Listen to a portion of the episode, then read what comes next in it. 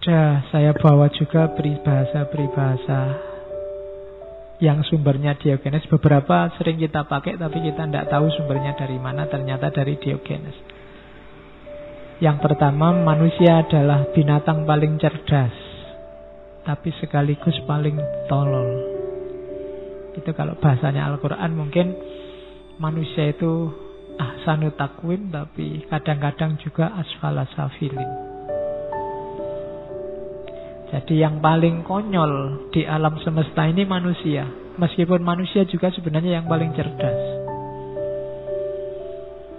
Nah itu sindirannya Diogenes. Yang kedua, kita punya dua telinga dan satu mulut. Sehingga kita bisa mendengar lebih banyak dan bicara lebih sedikit harusnya. Kalau ini sering dipakai orang ya.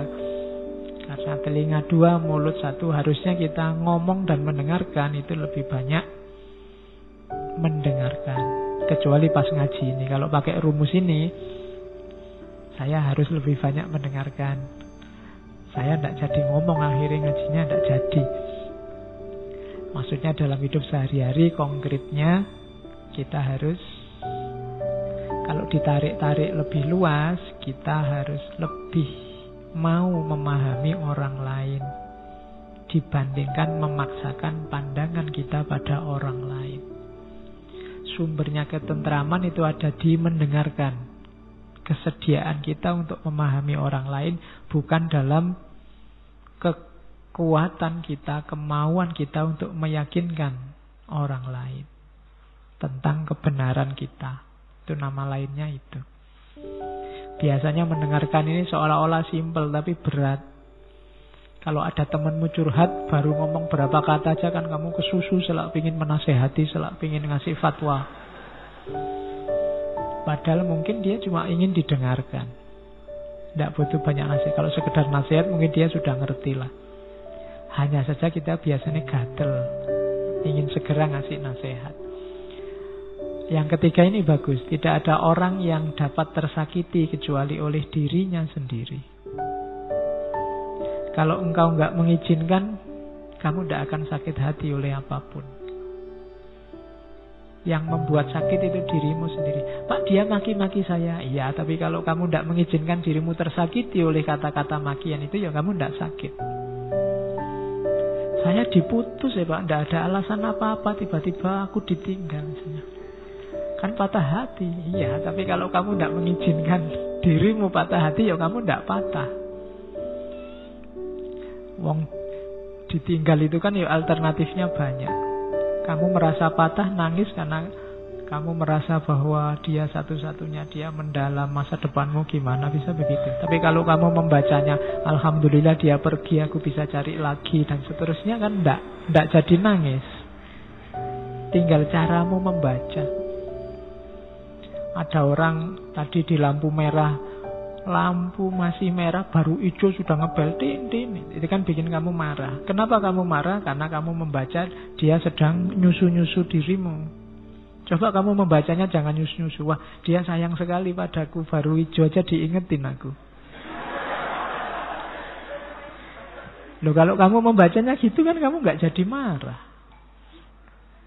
Jadi yang bisa membuatmu terluka hanya dirimu sendiri, bukan orang lain. Maka kalau nggak mau terluka, ya jangan izinkan dirimu terluka. Simple. Kalau pakai rumusnya Diogenes, sesimpel itu. Jangan bikin rumit. Atau ya Pak kan manusiawi Pak sekali-sekali terluka. Iya sih manusiawi. Ya kasih durasi waktu aja. Wahai diriku, ku izinkan kamu mangkel, marah, kecewa. Cuma waktunya sehari aja ya. Besok sudah ndak. Ndak apa-apa. Dan itu pasti bisa. Patah hati, nangis-nangis bolehlah. Tapi dua hari aja setelah itu ganti. Kan bisa. Kalau kamu mau. Cuma kadang-kadang kita ini kan suka berlarut-larut. Kalau sudah suka, suka berlarut-larut. Kalau sudah benci, benci berlarut-larut senang berlarut-larut, sakit diinget-inget terus. Nah, padahal katanya Diogenes enggak. Yang bisa menyakitimu hanya dirimu sendiri, bukan orang lain. Terus ini ada rumus unik. Biasanya kan orang kalau ingin benar, ingin lurus, belajar atau baca buku atau ikuti orang baik. Katanya Diogenes enggak. Kalau engkau ingin selalu dalam kebaikan, pilih salah satu, punya sahabat yang baik atau punya musuh yang dalam. Pokoknya musuh yang serius. Kalau kamu punya sahabat yang baik, kamu akan diingatkan, kamu akan ditunjukkan jalan yang lurus. Atau kalau nggak punya sahabat, cari musuh. Musuh yang paling keras. Nah, dari musuh ini kamu akan tahu kelemahan-kelemahanmu. Maka kamu bisa memperbaiki diri. Yang susah itu kalau sahabat tidak punya, musuh tidak punya. Ya. Jadi rumusnya unik. Kalau kamu ingin selalu dalam kebenaran, lakukan cari musuh yang baik atau sahabat yang baik. Yang kelima ini tidak enak. Filosof dan anjing dua-duanya sama. Melakukan yang terbaik tapi imbalannya paling sedikit. Filosof itu menyumbangkan banyak pikiran besar, gagasan-gagasan luar biasa pada dunia, tapi imbalannya tidak terlalu besar.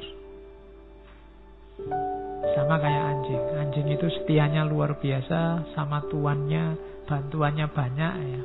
Balasannya juga tidak besar.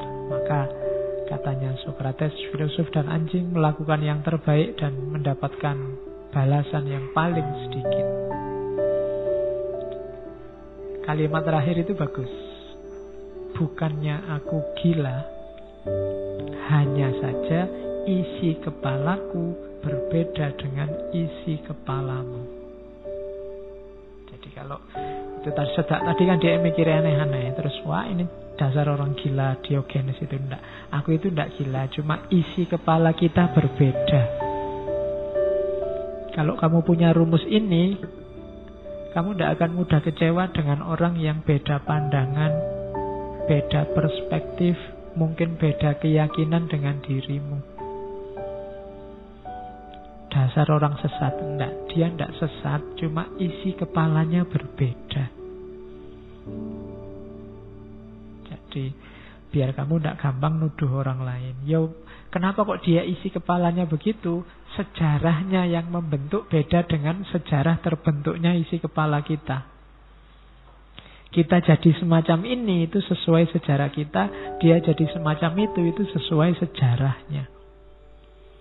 Maka bukannya aku gila, hanya saja isi kepalaku beda dengan isi kepalamu.